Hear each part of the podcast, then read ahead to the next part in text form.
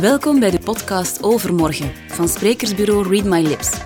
Tijdens deze podcast filosoferen we over hoe de wereld er na morgen zal uitzien en dat voor verschillende sectoren en vanuit meerdere invalshoeken.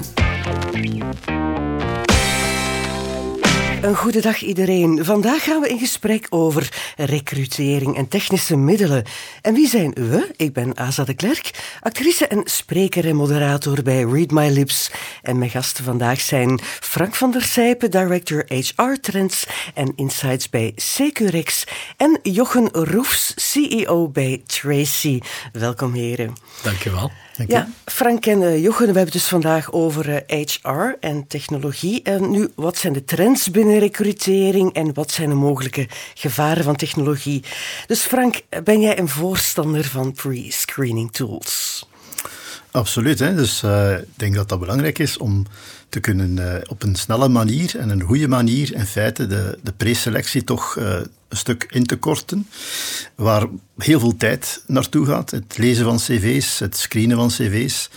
En waar ook in eh, de praktijk eh, nogal wat ruis op zit, omdat de recruiter, bewust of onbewust, toch wel zijn voorkeuren laat eh, spelen. En als je daar voor technologie kunt inschakelen op een goede manier, dan, dan ben ik absoluut gewonnen. Eén, omdat het tijd bespaart. En twee, omdat we waarschijnlijk toch minder discrimineren, subjectief of objectief, op basis van de CV-screenings. Ja. Ja, Joche, jij bent CEO van Tracy, dus ja. Uh, samentrekking van uh, Artificial Intelligence en uh, Trace. Dus een zelf lerend algoritme die succesratio verhoogt van new hires. Um, zie jij gevaren in het gebruik van deze technologie binnen HR? Uiteraard. Allee, die gevaren die zijn er. Hè. En, en ik denk ook... En, maar die zijn ook goed beschreven en in de wetenschap en de mensen, de academici die meebouwen aan onze technologie, zijn, zijn daar heel bewust mee bezig. Wij ook. En ik denk, dat is ook wel, misschien ben ik daar een beetje naïef in, maar ik zou zeggen, in, in de collega HR-tech ondernemers is daar iedereen wel heel bewust mee bezig. Is dat ook beschreven in de literatuur en zijn daar ook wat, wat dat er noemt countermeasures, zaken waar dat je heel bewust moet mee bezig zijn om die bias eruit te halen. Ja. Dus dat is iets waar dat je continu wel bewust moet mee bezig zijn, zowel in het bouwen van de technologie als in het gebruik daarvan. Maar ik denk dat we vandaag ook de, de dag moeten kijken naar wat zijn de, de voordelen en de nadelen. En, en kijken van hoe, kan de symbiose, de mens en de machine, samen tot, tot de beste uh, voorspelling komen. Daar, daar ligt volgens ons wel het geheim. Uh, ja. De symbiose tussen de twee. Ja. Want ik las ergens dat uh, Tracy ja? uh, omschreef als het is niet toevallig of uh, een, vrouw. Heeft dat te maken dat er meer aandacht op de soft skills wordt gelegd? Ik praat tegen mijn eigen winkel, maar toch Nee, nee, dat klopt, dat klopt. Allee, uiteraard, het, het beestje moet ook in de markt gezet worden. En in, in de marketing hebben we bewust wel gekozen voor een vrouw, omdat het toch meer gaat over prescreening, inschatten van mensen op basis van, van taalpatronen. En klassiek wordt er gezegd dat vrouwen iets meer uh, die, die intuïtie hebben. Ik zie meer en meer moderne mannen toch ook over een serieus stuk uh, intuïtie beschikken, eerlijk gezegd. Ja. Maar bon, dat is misschien een andere discussie. um, Frank, nu inderdaad over die soft skills. Uh, vind jij dat wordt nog, toch nog te veel gescreend op hard skills? Of is, dat al is er een verandering in? Nee, dat klopt. Hè. Dus in feite, als je kijkt naar hoe dat recruiters naar cv's kijken, dan gaan ze heel vaak, en ook onder druk van de wetgeving soms voor bepaalde functies, af op welk diploma heb je en welke ervaring heb je nodig. Nu, je kunt je natuurlijk wel iets bij voorstellen. Eh, ik zou je de vraag kunnen stellen, zou je het fijn vinden of zou je het acceptabel vinden als uh, patiënt dat je dus geopereerd wordt door een dokter die geen diploma heeft? Dus voor bepaalde beroepen, piloot bijvoorbeeld ook, zou je willen meevliegen met iemand die geen eh, diploma heeft van piloot. Daar zijn toch wel bepaalde risico's aan verbonden. Maar vandaag zitten we in een markt die, heel, structureel krap is op de arbeidsmarkt. Dat wil zeggen dat we ook heel veel knelpuntberoepen hebben, heel veel knelpuntsectoren krijgen. Denk maar aan de zorg, hè. denk maar aan heel veel technische sectoren, waar je een stuk zij-instromers krijgt. Mensen die uit een totaal andere branche komen om de rollen en functies die wij zoeken te kunnen opvullen. En dan natuurlijk is die technische kennis plots niet zo relevant niet meer, want je gaat een nieuwe technische kennis moeten opbouwen. En veel bedrijven gaan moeten investeren in een serieus pakket training en opleiding. En dan zou ik toch graag weten, vooral dat ik die investering doe, of die persoon die voor mij zit, los van de kennis en los van het diploma, eh, op de goede fundering, ik zou mijn huis willen op een goede fundering bouwen. Dat wil zeggen, dan wil ik toch wel weten, hoe zit het met de attitude van die persoon en hoe zit het met bepaalde kritische soft skills, gedragscompetenties die nodig zijn om die rol in te vullen. Ja, en dan natuurlijk eh, zou ik toch wel uh, willen weten, vooral eer dat de huis begint te bouwen en die investering doe in die opleiding, die reskilling en die upskilling van die persoon, dat ik inderdaad op goede grond bouw. En dan is het inderdaad interessant om dat soort instrumenten in te zetten, om los van die hard skills ook te kijken naar die soft skills en die attitude, vooral eer daar die investering te gaan doen. Um, moet recrutering tegenwoordig snel proberen, Frank? Dat is natuurlijk wel een kritisch eh, element, de snelheid vandaag. Ehm, als je kijkt naar recrutering en selectie, zijn er eigenlijk drie zaken die men altijd in balans legt met elkaar. Dat is één, de kwaliteit van de recrutering. Uh, twee, de kost van de recrutering, de kost van het hele proces. En last en not least is de doorlooptijd van de vacature. Nu in een zeer krappe arbeidsmarkt uh, ga je proberen om dat proces en die doorlooptijd zo kort mogelijk te maken. Omdat je liefst zou hebben als een kandidaat zich aanbiedt, uh, dat hij eigenlijk buiten gaat met een contract. Ja. Uh, dat is, ik zou zeggen, de natte droom van elke, van elke HR-director of bedrijfsleider. Dat is echt, ik kom hier, ik kom hier iemand zich aanmelden en ik wil nog vandaag weten of hij contract gaat tekenen of niet, want we zitten in een krappe arbeidsmarkt. Als je die laat gaan, dan loop je het risico dat hij dus morgen niet meer terugkomt, omdat hij ergens anders onder dak is. En dus in zo'n uh, arbeidsmarkt ga je natuurlijk proberen die snelheid inderdaad te verhogen. En nu worden heel veel uh, recruiters en, en HR-mensen eh, daarop afgerekend. Hè. Wat is de doorlooptijd en hoe kunnen we de doorlooptijd verkorten? En je weet ook uit ervaring dat wanneer je doorlooptijd verkort, dat dat risico's inhoudt op vlak van kwaliteit. En misschien ook wel de kost drukt en vermindert. Maar goed, uh, een verkeerde aanwerving doen, uh, daar kunnen wij van getuigen, dat kost u dus veel geld. En zeker wanneer je ergens veronderstelt dat mensen toch een aantal jaren in uw bedrijf blijven. Er zijn sectoren waar het heel, de omloopsnelheid heel, heel snel is. Denk aan uh, een hamburgerketen, waar mensen meestal niet zoveel jaren werken, hè, doorgaans toch niet. Maar als je kijkt bijvoorbeeld naar financiële sector of naar eh, businessdienstverlening, uh, daar ga je toch vanuit dat mensen een aantal jaren blijven. En dan moet je toch bijna zeker zijn dat je een goede kandidaat hebt. En dat is het risico wanneer je te veel inzet op snelheid. Dat je de kwaliteit van je proces en de voorspelbaarheid van ja, prestatie of performance in de functie eigenlijk uh, een beetje laat gaan. En dan hoor je heel vaak zeggen, ja maar ja, ik moet iemand hebben, uh, de kwaliteit, dat is niet zo belangrijk ik moet vooral iemand hebben. Ik hoor dat heel vaak zeggen in KMO's, maar daar is een groot risico aan verbonden. Daar um, kan het eigenlijk Tracy, mm -hmm. Jochen, een mhm. soort shortcut in zijn. Maar twee zaken. Hè. Enerzijds een shortcut, zeker. Uh, wij hebben destijds, een jaar en een half geleden, als we het product naar de markt brachten, zagen we twee use cases. Uh, een, een, een, gebruik waar dat er heel veel cv's binnenkwamen en waar dat er snel kan gepreselecteerd worden op basis van, die, van dat DNA en die cultuurmatch. Um, en een tweede, nu vandaag, die veel relevanter is, is eigenlijk dat je, dat je buiten je normale scope van harde criteria gaat zoeken naar waardevolle kandidaten die, zoals Frank zegt, misschien uit totaal andere sectoren komen van totaal andere diploma-achtergronden, maar waar dat je wel die, die zekerheid hebt, of toch die bijna zekerheid van hey, dit, dit zal een goede investering zijn. Dus snelheid is minder een issue geworden. Het is meer nu, we willen iemand vinden waarvan dat we zeker weten dat het een goede investering gaat zijn. En we zijn bereid om die investering te doen, maar niet uh, om in het, in het uh, diepe te springen. Ja. Mm Dus hire for attitude, Ja, train hire- for skills. Dat is waar en dat, dat is iets al, dat jaren al, al geroepen wordt. En ik, allee, ik meen wel te zeggen dat wij daar nu heel praktisch aan bijdragen. Want hoe doe je dat dan? Een attitude objectiveren. Hoe weet je welke attitude dat, dat nodig is om een bepaalde top performance neer te zetten? Dus daar dragen wij wel aan bij. Ja. Ja. Frank, nu, ehm, je sprak over, natuurlijk, eh, bedrijven willen graag mensen recruteren die, eh, waar je zeker kan zijn dat ze, dat ze blijven, dat het een goede investering is. Maar is het ook niet een beetje een trend tegenwoordig om ehm, het positieve erin te houden door van werk te veranderen? Ja, dat zou, dat zou zo moeten zijn. En dus ik denk dat we dat, dat, we dat collectief, en dan, ik leg de verantwoordelijkheid niet bij één partij, maar dat we dat collectief te weinig doen en te weinig promoten. Hè.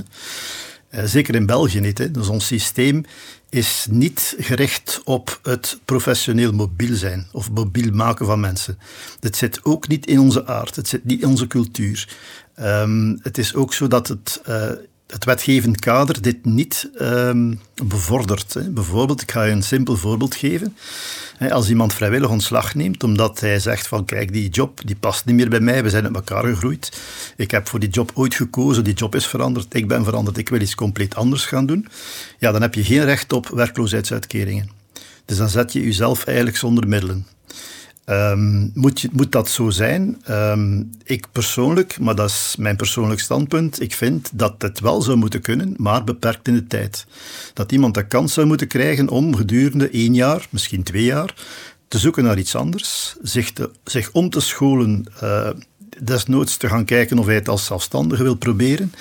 En daarvoor een uitkering krijgt die zelfs hoger ligt dan wat men vandaag krijgt als uitkering, maar beperkt in de tijd. Dat wil zeggen, na x aantal maanden, slash jaar, twee jaar, moet je terug aan de slag zijn. En dus dat doen wij niet. Hè. Dus eh, vandaar dat heel veel mensen blijven zitten eh, en niet bewegen, eh, omdat zij ook bepaalde voordelen opbouwen die gelinkt zijn aan anciëniteit. Denk maar aan loon, denk maar aan verlof. En er zijn nog wel wat, wat zaken. En daardoor in feite in wat men noemt een gouden kooi verzeilen.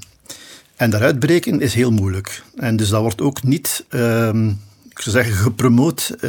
Eh, als iemand een vaste job laat staan, moet je een keer horen wat daarover gezegd wordt. Als je zegt, ik heb mijn job opgezegd. Hoe komt dat nu? Uw familie, uw vrienden vinden dat zeer raar. 90% van de Belgen tussen haakjes werkt met een vast contract. Van de Belgische werknemers. Wij zijn daarmee koploper in Europa. Nu, een vast werk is natuurlijk een zeer kwaliteitsvol werk. Maar ehm, ja, daar blijft je heel vaak in hangen en dat verhindert u om soms de dingen te doen die zou moeten doen op een zeker moment om te kunnen en te willen langer blijven werken. Nu, in het recruteringsproces, eh, vind je dat dan zelf niet een moeilijke dat je weet van die persoon gaat toch op termijn hier weg? Hoe sta je dan daar tegenover? Want het is toch een essentie van HR om de juiste Ja. persoon te... Eh, daar moet je echt gaan kijken, denk ik, op bedrijfsniveau. Wat is uw cultuur? Wat verwacht je van mensen? Om dan de juiste mensen aan te trekken. En is, eh, ik heb ooit de notie Total Cost of Employership gehoord. En daar gaat men afzetten wat de recruteringskost is ten opzichte van het aantal jaren dat iemand normaal verwacht wordt in uw bedrijf te blijven. En dan zegt men mij, eh, het is een van de belangrijkste investeringen die, die bedrijven doen, is mensen. Als je kijkt naar iemand, hoe veel iemand zijn jaarloon bedraagt, en je rekent erop dat die minstens tien jaar blijft, dan spreek je hier over de tien keer een jaarloon van iemand. Als je spreekt over een, ik zeg zoiets, is misschien een slecht voorbeeld, je gaat misschien een reactie krijgen van de hamburgerketens, maar iemand die dus een flexiejob in een hamburgerketen opneemt, is vaak iemand die een paar jaar blijft, dat combineert met studies enzovoort, dan kan die recruteringskost wel een stuk lager liggen, omdat uiteindelijk die persoon ook maar drie of vier jaar zal blijven bij u. En het risico of de investering is minder eh, groot. Uh, en dat moet je afwegen. En het is in functie van, van wat je verwacht ook van medewerkers in een bedrijf. Je kunt ook gaan opdelen in een bedrijf wat zijn mijn core-medewerkers, die ik absoluut niet kwijt wil. En wat zijn de medewerkers waarvan ik zeg, oké, als die vertrekken, dan vind ik wel zo iemand op de markt. Zo'n equivalent, dat is niet zo moeilijk, alhoewel vandaag is het allemaal moeilijk aan het worden. Maar dan kun je daar ook onderscheid in maken van welke mensen wil ik absoluut aan mij op een positieve manier verbinden. En met welke ga ik een contract aan? Oké, als ze weggaan, dan ga ik ze vervangen. Ik verwacht niet dat ze dus twintig jaar bij mij blijven, bij wijze van spreken. -hmm.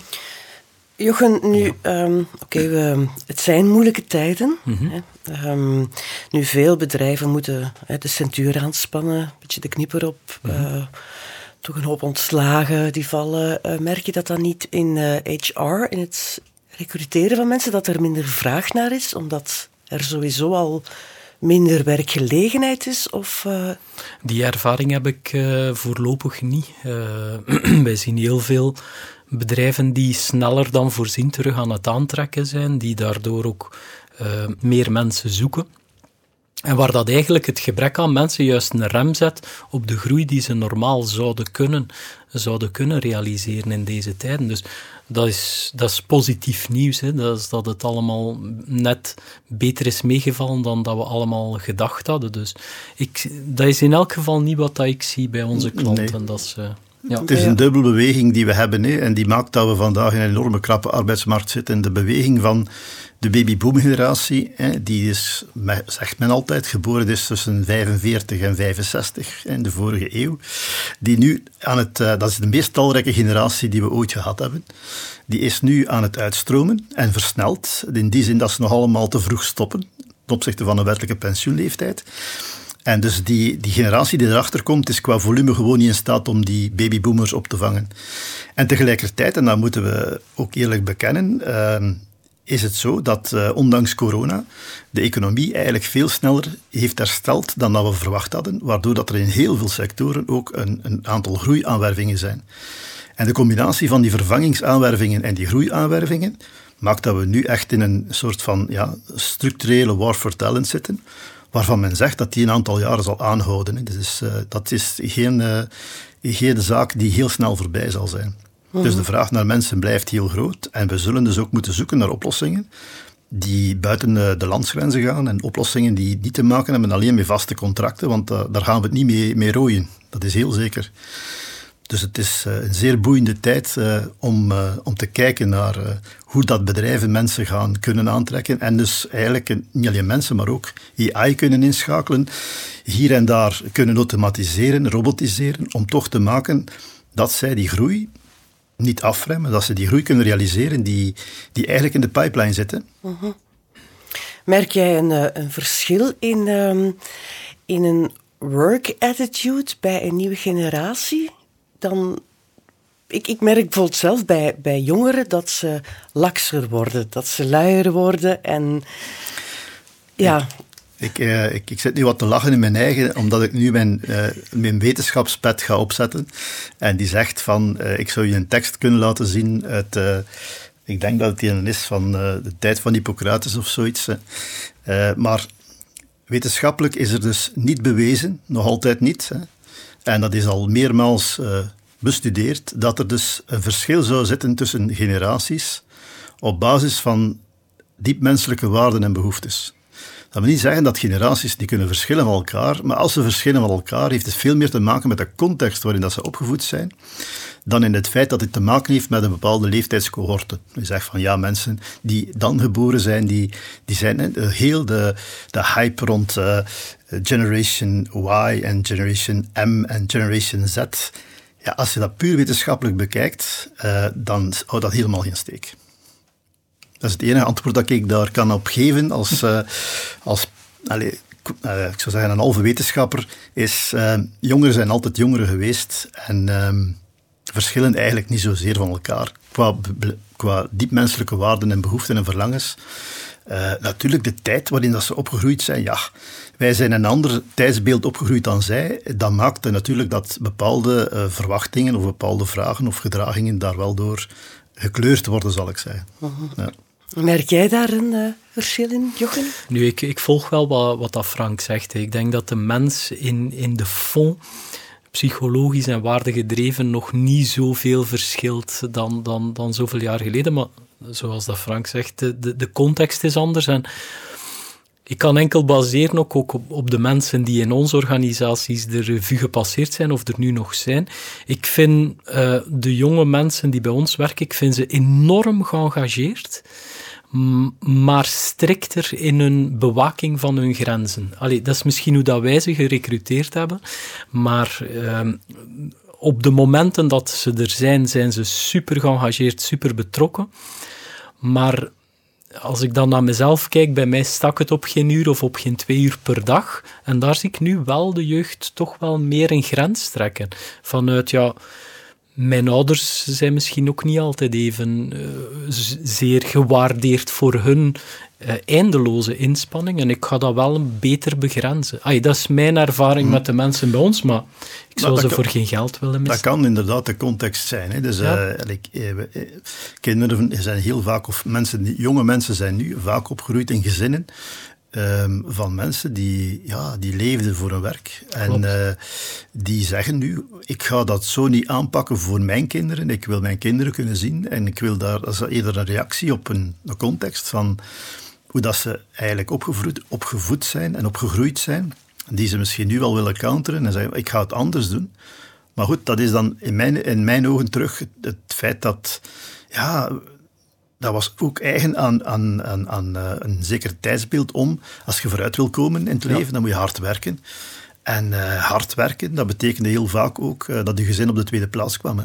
Mm En misschien is dat een tegenreactie, maar of dat, dat nu te maken heeft met generaties, dat, dat durf ik toch wel te betwijfelen. Ja, ja Jochen, dus een toch wel een andere generatie. En Tracy, het slimme algoritme, ja. um, past dat zich aan? Is er dan de output? Het is wel zo dat wij, dat wij elk algoritme is getraind. En getraind wil zeggen, heeft, heeft als voeding data gekregen waar dat dan bepaalde patronen zijn ontdekt geweest door machine learning. Dat is eigenlijk kort gezegd.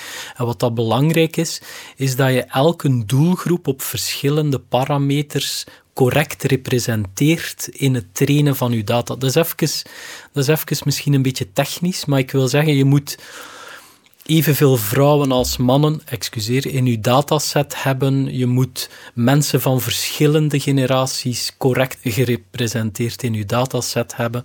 Mensen van verschillende etnische achtergronden. En daar, zo zijn er acht parameters waar dat wij heel bewust data van, van verzamelen, zodanig dat dat, dat dat een correcte representatie is. Dat klopt, mhm. want er is ook in, zeker in in taalgebruik en zeker in geschreven taalgebruik is er een verschil. Dat is dan wel merkbaar tussen mensen van onze generatie en, en twintigers. Die schrijven wel anders. En dus dat, dat wil je niet dat de outcomes van, uh, van je algoritme daardoor bepaald wordt. Dat mhm. klopt. Of, of fout bepaald wordt, ja. Krijg je soms te maken met kandidaten die absoluut tegen um, het systeem zijn, Tracy? Uh, ja, we hebben mensen, en dat zit ook terug in, in, in een soort persoonlijkheidsprofiel, die gevoeliger zijn voor privacy. Ten eerste, die zeggen van kijk, ik sta enorm op mijn privacy en ik vind dat niet zo leuk uh, dat, dat, dat dat op die manier zou, zou naar voren komen. Dus het kan wel gelinkt worden aan het uiteindelijk profiel. En twee, je hebt mensen die toch in een sollicitatieprocedure, laat mij zeggen, een beste beentje voorzetten. En dan zie je soms een beetje van, oei, wat gaat daar dan uitkomen? Ja. Maar ook dat is in, ingecalculeerd. We weten dat sommige introverte profielen vaak heel extravert taal gebruiken, omdat ze daar heel bewust over nagedacht hebben, over die sollicitatiecontext. Dus dat. Maar ik zeg altijd van, kijk, in, in de fond, ik ben een psycholoog, ik, ik heb jarenlang aan loopbaanbegeleiding gedaan. Mijn droom is mensen in contact brengen met een job die past bij hun natuurlijke talenten. Ja. En ik zeg altijd, waarom zou je Tracy willen manipuleren of waarom zou je daar bang voor zijn? Want je krijgt gewoon extra informatie van waar liggen die talenten dan en welke jobs passen daar eigenlijk van nature bij aan.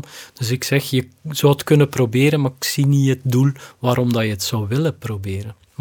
Dat is misschien mijn uh, naïeve visie daarop. Leven de naïviteit, moet dat. Of idealisme, hoe dat je het wil of noemen. idealisme. Ja, deze podcast heet dan ook Overmorgen. Uh, dus uh, Frank, vind jij, denk je dat de wereld van overmorgen er beter gaat uitzien dan die van nu of van zelfs morgen? Ja, dat is een moeilijke vraag natuurlijk, hè, want dat, uh, je zou verwachten dan dat ik ergens een glazen bol heb en dat heb ik niet. Hè. Dus uh, je kunt alleen maar baseren op uh, wat je hoopt en wat je voelt. En ik hoop van wel, uiteraard. Hè. Dus um, ik, um, ik denk dat we heel sterk evolueren, dat heel veel dingen evolueren. En um, ik ben ervan overtuigd dat het vroeger niet altijd beter was. Uh, ik spreek dan met mijn eigen, ervaring toen ik begon te werken en ik zie dat ze nu werken, dan zeg ik, daar zijn er toch wel een aantal serieus op vooruit gegaan. Hè. Uh, en dus dat, dat gaat over technologie, maar ik kijk dan vooral, ik had een functie, ik moest mij verplaatsen met uh, de wagen en in het begin was dat zelfs geen bedrijfswagen, nu is dat een bedrijfswagen. In welke mate we ons moeten verplaatsen in de toekomst, dat weet ik niet. Maar er zat geen airco in, we hadden geen GPS, en dus uh, als je in de file stond, kon je niemand verwittigen. En als je ergens toe kwam, ofwel kwam je te laat en je had niemand kunnen verwittigen, de telefoons lagen klaar. En dus alleen al dat, het is misschien simplistisch als voorbeeld, wijst er toch op, we zijn er toch op vooruit gegaan. Een andere anekdote, toen ik uh, begon te werken, toen was het zo bon ton bij dus, uh, de jonge academici die afstudeerden van eigenlijk moet je moet je een eigen bureau hebben. En als je een eigen bureau hebt, dan heb je het gemaakt. Dat was zo wat het gedachte. Want we begonnen dan allemaal te werken en, uh, op de werkvloer. En dan heb ik gezien dat ik op een zeker moment een eigen bureau kreeg. En dan dacht ik, het is gelukt. Hè. Kort nadien zijn we dan overgegaan naar dus de landschapsburelen, want de gesloten bureaus moesten afgebroken worden. Wat was niet goed, want uh, je kon je mensen niet horen en je kon ze niet zien. En uh, dat was een statussymbool, weet ik allemaal. De landschapskantoren, uh, daar zijn we van afgestapt nu, want ja, dat, dat is helemaal niet goed voor het brein. Daar word je moe van en je wordt gestoord. En dus ik vind, daar zijn we dus thuis gaan werken natuurlijk, hè. zelfs verplicht thuis gaan werken. En dan heb ik mij de vaststelling gezegd, kijk, met jullie zitten thuis in mijn eigen bureau. je hebt het gemaakt. Je hebt het dan toch uiteindelijk gemaakt op een of andere manier. dus de dingen evolueren en ja, ik ben dan toch, probeer dan toch optimistisch te zijn door te zeggen, ja, het gaat, het gaat beter worden. Het moet beter worden. En de bedrijfswagen kon enkel om naar de supermarkt te gaan. en hoe sta jij er tegenover, Jochen? Ja, ik denk, ik denk dat de zaken evolueren en dat het vooral niet goed is om, om natuurlijke evolutie te proberen tegenhouden. Weet je? En dan, dan klinken we heel oud van vroeger was het altijd beter.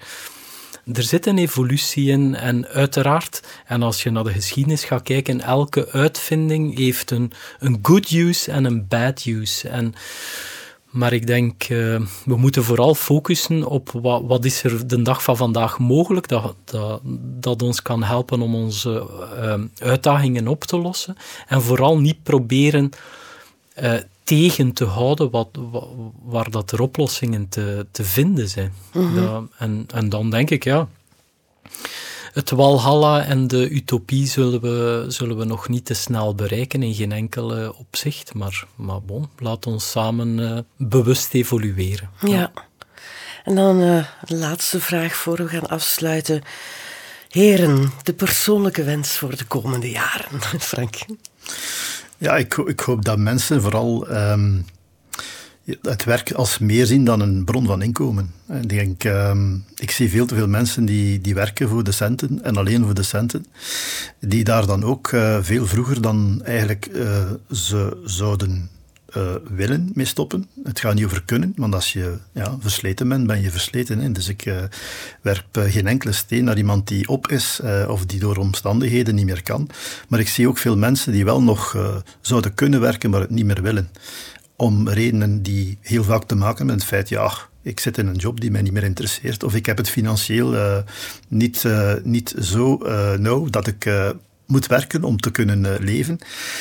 En dus wij hebben iedereen nodig. En ik denk ook dat werk zo belangrijk is in iemand zijn leven, dat het toch iets is waar je heel veel tijd in doorbrengt bij kan dragen tot algemene levenstevredenheid. Dus ik hoop dat werk meer kan zijn dan een bron van inkomsten en dat we in bedrijven en samen met de overheid, want het is niet alleen de werknemer of degene die werkt, die er alleen verantwoordelijk is, kunnen werken aan contexten die, uh, die dermate zijn dat mensen ook goesting hebben om langer te werken en daar ook de zin van inzien. Dus dat is mijn, mijn hoop en dat is waar ik ook naar werk. En dat is uh, niet gemakkelijk, hè, want um, er zijn er velen die uit de boot vallen. We zitten met 500.000 langdurig zieken, waarvan er een aantal effectief ziek zijn, maar ook een aantal gewoon werkmoe zijn, laat ons dat eerlijk toegeven. We zitten ook met 23% en half van de bevolking op beroepsactieve leeftijd tussen 25 en 65 jaar, die zich om een of andere reden niet aanmelden op de arbeidsmarkt. Dit in een tijd waarin dat we iedereen nodig hebben. Allee, ik hoop dat we daar verandering kunnen in brengen. Mm -hmm. Ja. Jochen, jouw droom? Ik denk dat die heel gelijklopend is eh, met die van Franke. Daar, daar zie ik zeker een, uh, op waardeniveau absoluut een, een gelijklopendheid. Ik denk ook, allee, de zaken zijn zoals dat ze zijn. Ik denk ook professor Stijn Bart zegt dat ook. Uh, er zijn een aantal mensen die de rol gelost hebben op een bepaald moment en die niet meer te verleiden zijn tot de arbeidsmarkt. En ik geloof heel sterk dat, uh, dat als mensen aangesproken worden op hun talent, dat die goesting en die drive wel voor een stuk terug begint te stromen. En ik hoop dat ik daar zowel als mens als, als vanuit onze technologie een stukje kan in bijdragen. Dat, uh, dat is zeker mijn wens. Ja, ja absoluut mooie hoop voor de toekomst. Ja. ja.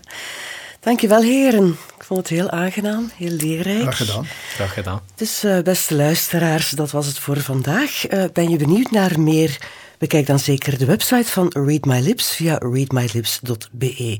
Je vindt daar zowel informatie terug over mij, Aza de Klerk, als info over Jochem Roefs en Frank van der Sijpen. Als spreker op misschien wel jouw volgend online, hybride of fysiek event. Beluister alle podcasts van Overmorgen op Soundcloud of Spotify. Met veel plezier aangeboden door sprekersbureau Read My Lips.